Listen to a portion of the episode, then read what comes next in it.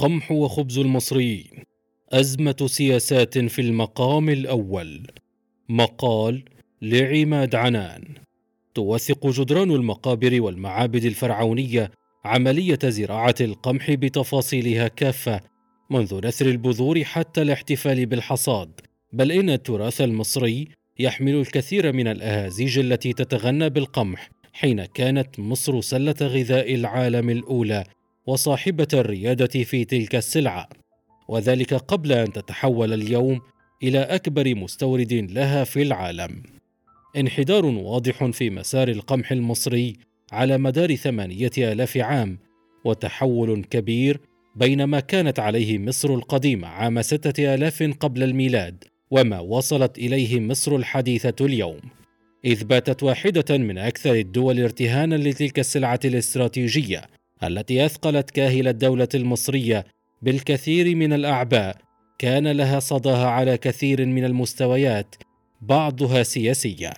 وبلغة الأرقام تستورد مصر نحو 12 مليون طن من القمح سنويا بما نسبته 10.6% من إجمالي صادرات القمح العالمية لتحتل مرتبة الصدارة ضمن كبار مستوردي العالم من هذا المحصول الذي تستهلك منه كل عام قرابة 18 مليون طن. تسعة ملايين منهم مخصصة للخبز المدعم الذي ينتج منه يوميا قرابة 270 مليون رغيف لسد احتياجات 70 مليون مواطن مسجلين ببطاقات التموين. وظل القمح نقطة ضعف الدولة المصرية لسنوات طويلة لا سيما على المستوى الاقتصادي إذ يكبد الخزانة المصرية مئات المليارات سنويا غير أن الحرب الروسية الأوكرانية الحالية عمقت جراح نقطة الضعف تلك. فكلا البلدين المتحاربين روسيا وأوكرانيا يمثلان معا 80% من واردات مصر من القمح 7.56 مليون طن من روسيا و1.9 مليون طن من أوكرانيا بحسب إحصاءات 2021 الصدمة التي تلقاها الشارع المصري مع انطلاق شرارة الحرب الأولى في الرابع والعشرين من فبراير شباط 2022 التي كان من مظاهرها رفع أسعار الخبز ومساعي الحكومة نحو تحريك كبير في أسعار الدقيق المدعوم. أعادت ملف القمح مرة أخرى للأضواء لتتعالى الكثير من الأصوات التي تتساءل عن أسباب الأزمة الحقيقية ومبررات عدم الاكتفاء الذاتي من تلك السلعة الاستراتيجية ومخاطر تلك السياسة على مستقبل الأمن الغذائي للبلاد ومن ثم أمنها القومي وبالتبعية استقلالية قرارها السياسي. القمح والأمن الغذائي يمثل القمح رأس هرم منظومة الأمن الغذائي المصري إذ يلبي 30% من إجمالي السعرات الحرارية و45% من البروتين الذي يحصل عليه المصريون يوميا. ما يجعله متصدرا لقائمة المحاصيل الأكثر أهمية لمئة مليون مصري يعتمدون بشكل رئيسي على الخبز كوجبة دائمة ثلاث مرات يوميا. ويساهم القطاع الزراعي الذي يتصدره القمح 14.8% من الناتج المحلي الإجمالي لعام 2020 بنسبة إجمالية بلغت 669.8 مليار جنيه 42 مليار دولار ويحتضن قرابة 20% من إجمالي الأيدي العاملة في مصر بنسبة بلغت 5.2 مليون مشتغل.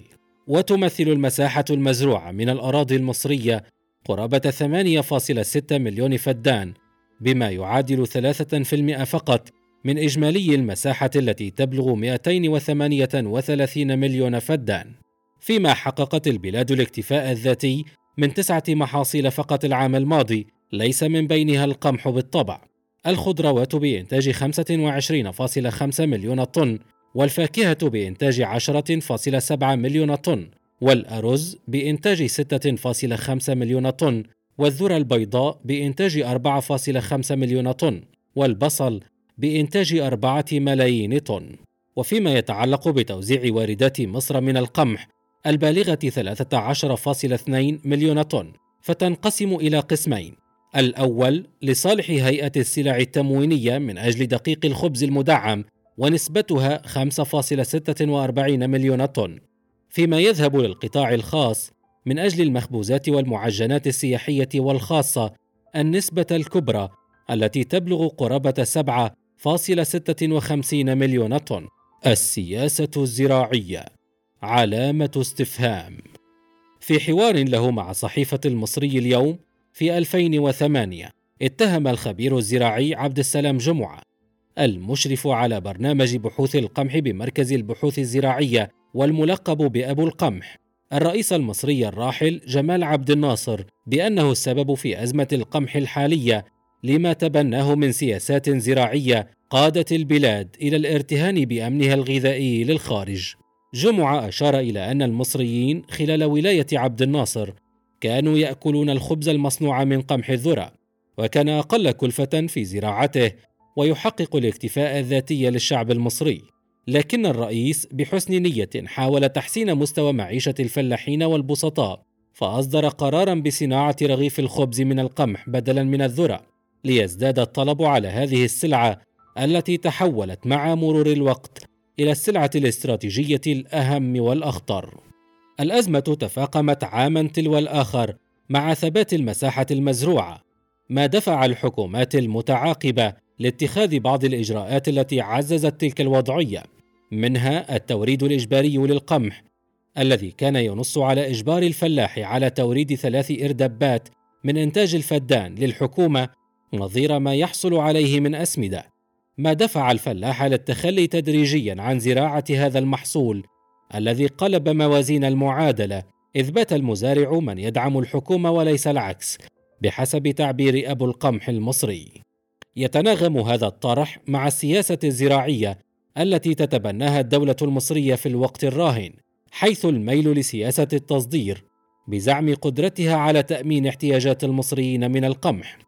فالعوائد المحصلة من تصدير الفواكه والأزهار والخضروات يمكن الاستعانة بها لشراء الواردات السنوية من السلع الاستراتيجية المهمة وعلى رأسها القمح وهي السياسة التي ثبت فشلها بحسب العديد من الخبراء خلال السنوات الماضية. وانفضح هذا الفشل أكبر مع الحرب الروسية الدائرة الآن فالأموال المحصلة من التصدير لا يمكنها تأمين حاجات المصريين من القمح الذي بات محتكرا بأيدي غير المصريين.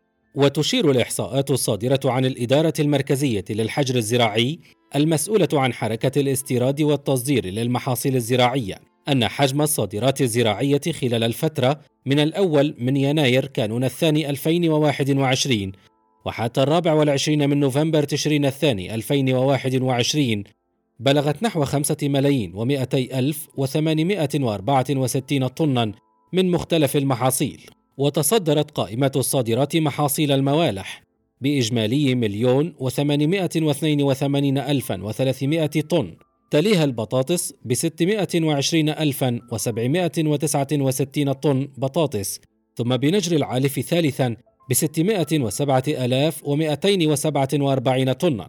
فيما احتل البصل المركز الرابع في الصادرات الزراعية بإجمالي 256 ألفا و255 طنا. يليه العنب بإجمالي 143 ألفا و201 طن. الحرب الروسية الأوكرانية.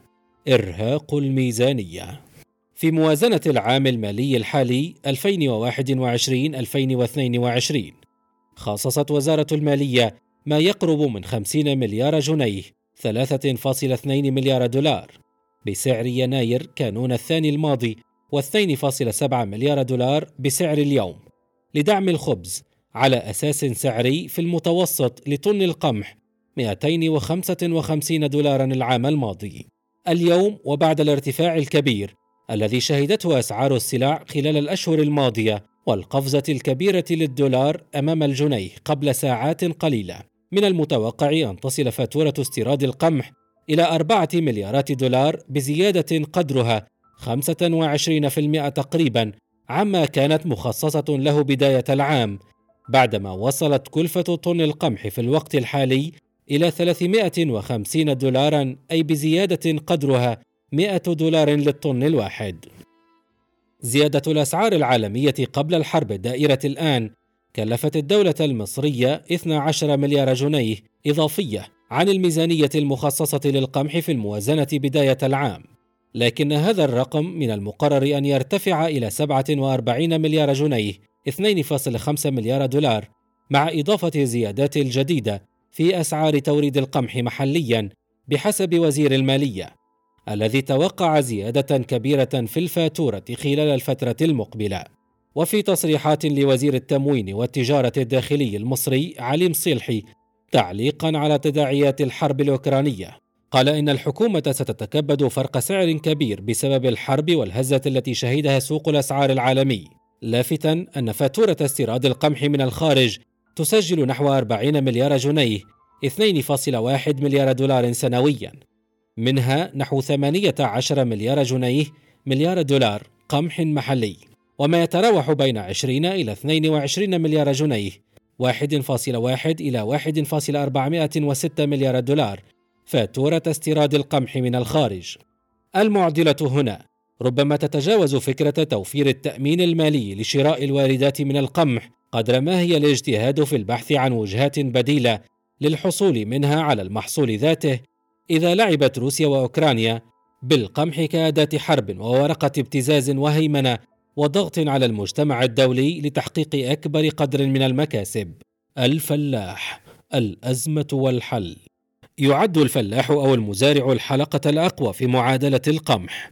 هذا هو الحال في جميع دول العالم. أما في مصر ربما يكون الوضع مختلفا بدرجة أو بأخرى إذ تحول الفلاح إلى الأزمة والحل في آن واحد. فهو يواجه تجاهلا وتهميشا رسميا على مدار عقود طويلة كان لها صداه على معدلات الإنتاجية السنوية من المحصول ويرى الفلاح المصري أن العائد من زراعته للقمح لا يتناسب مطلقا مع المجهود والكلفة التي يتحملها منذ بداية زراعته وحتى حصاده وتوريده للحكومة بأسعار يعتبرها أقل بكثير مما يجب أن تكون عليه.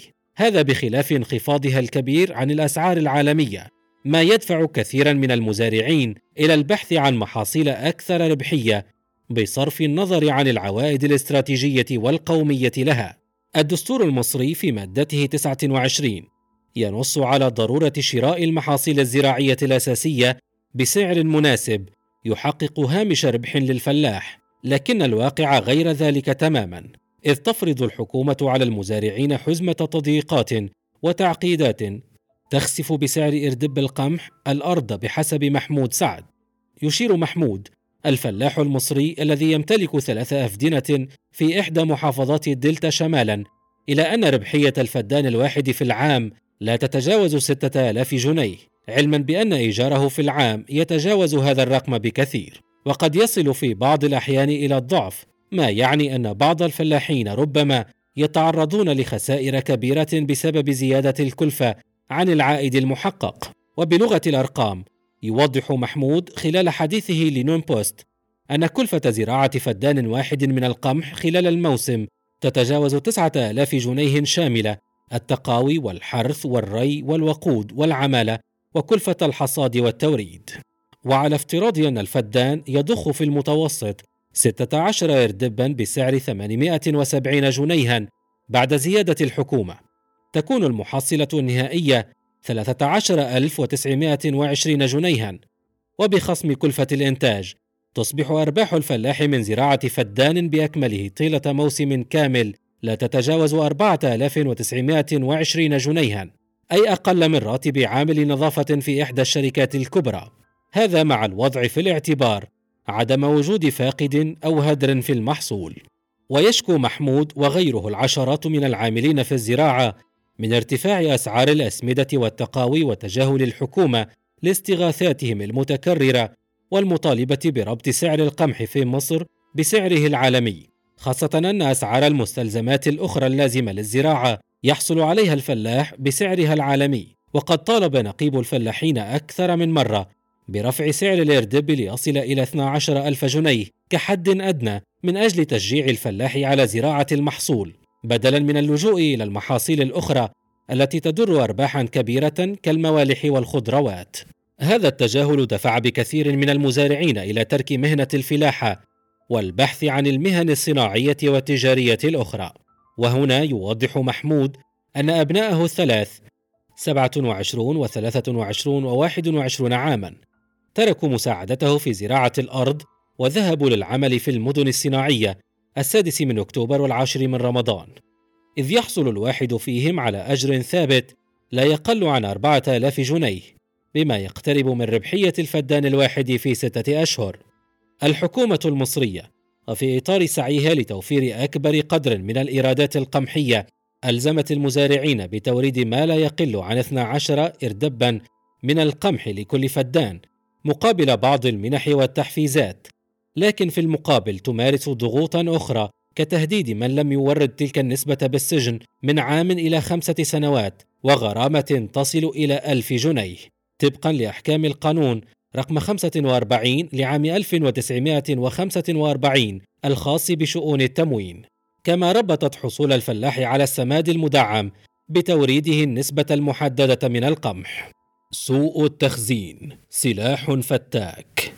يقول سالم صقر المسؤول عن إحدى شؤون تخزين القمح في محافظة الغربية إن سوء تخزين القمح يتسبب في إهدار ما لا يقل عن 25% من إجمالي المخزون مشيرا في حديثه لنون بوست أنه تقدم بعشرات الخطابات للجهات المسؤولة منذ 2007 وحتى اليوم لتطوير مخازن القمح بما يحافظ عليه من التلف لكن دون رد. اللهم إلا في الآونة الأخيرة. بعد اشتعال الأزمة الأخيرة على حد قوله. وأوضح أن بقاء القمح في الشون لفترة طويلة دون حصول الحكومة عليه يتسبب في انتشار القوارض والحشرات والسوس ما ينجم عنه فقدان لجوالات بأكملها فضلا عن فقدان القيمة الغذائية لأخرى بينما تتعرض ثالثة للتلف بعدما يختلط القمح بالتراب خاصة إذا تعرض للمياه من أي مصدر. وفي تصريح سابق لأستاذ الاقتصاد الزراعي بجامعة القاهرة جمال صيام أوضح فيه أن مصر تفقد نحو 15% من الحبوب لديها بسبب سوء التخزين منوها أن هذا الرقم وفق المعدلات العالمية يعد كبيرا للغاية لدولة تعتبر الحبوب قوام غذائها الأساسي ومحذرا من نتائج تلك الظاهرة على مستقبل القمح تحديدا.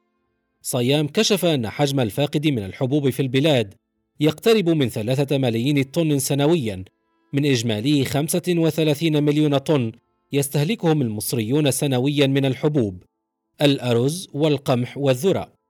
مرجعا هذا الهدر إلى سوء عملية التخزين إذ يتم في أماكن غير صالحة ولا تتوافر فيها الاشتراطات الصحية السليمة. محملا وزارة الزراعة والبنك الزراعي ووزارة قطاع الأعمال العام ووزارة التموين مسؤولية هذا الفاقد.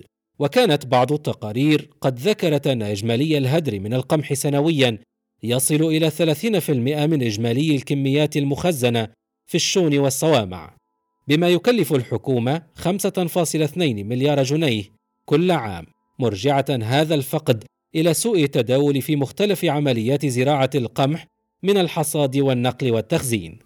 يذكر أن الفاقد من القمح في مصر بسبب سوء التخزين.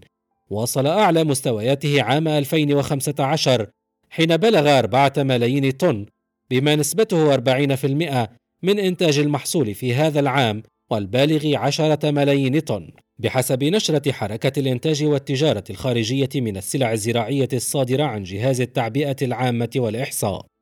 غياب فقه الأولويات.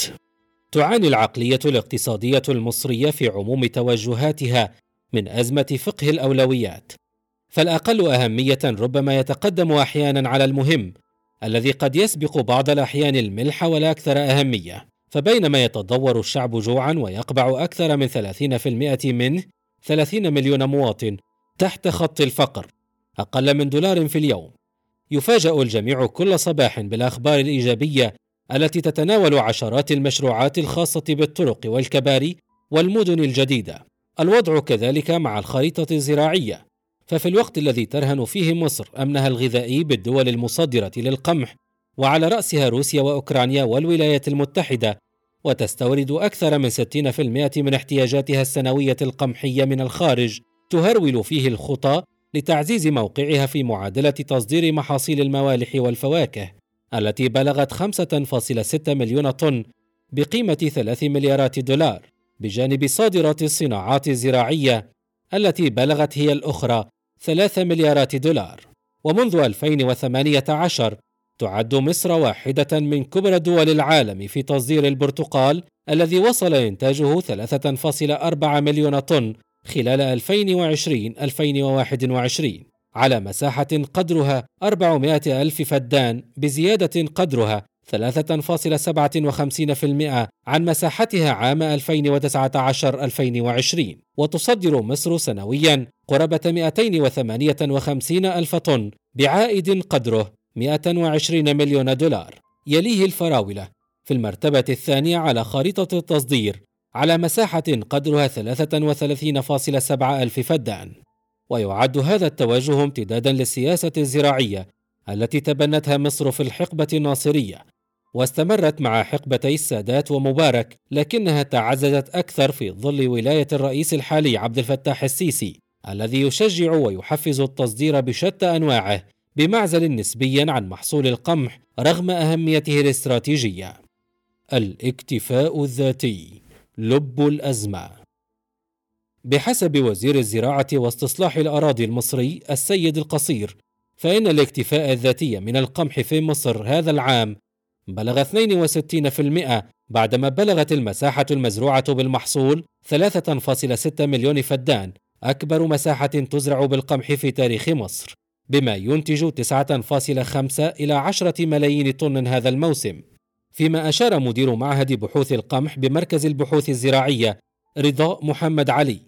أن الحكومة المصرية وضعت حزمة من السياسات تستهدف بها النهوض بمحصول القمح من أجل الوصول بمعدل الاكتفاء الذاتي إلى 80% خلال رؤية مصر 2030 أبرزها التوسع الأفقي والرأسي في مشاريع زراعة القمح معا أفقيا عبر إدخال الصوب الزراعية واستصلاح المزيد من الأراضي ورأسيا من خلال استخدام أصناف عالية الجودة. لافتا إلى وجود عشرين صنف قمح يتم زراعتهم في الوقت الحالي.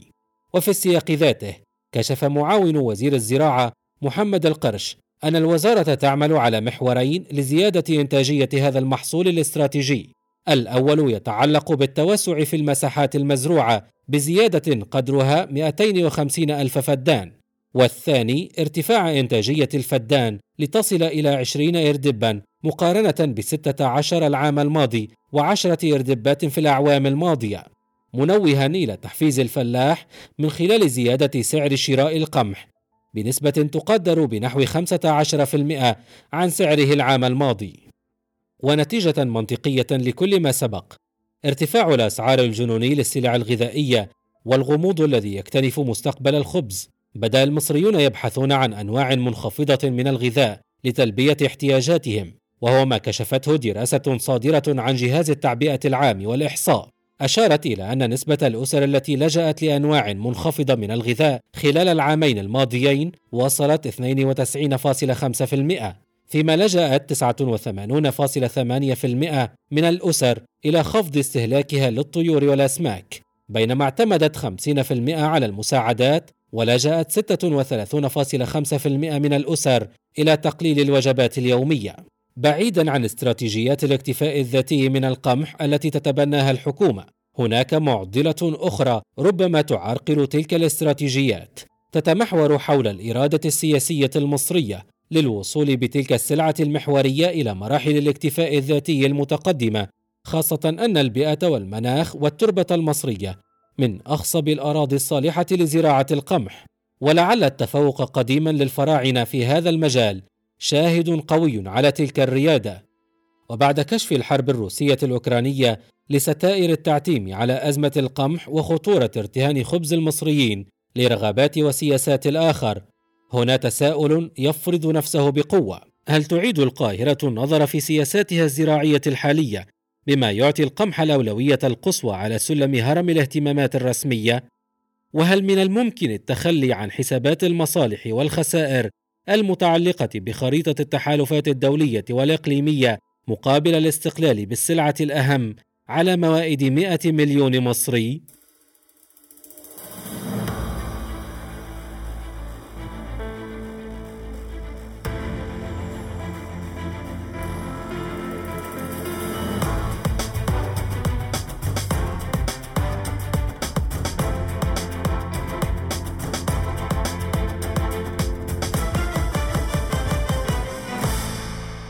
the.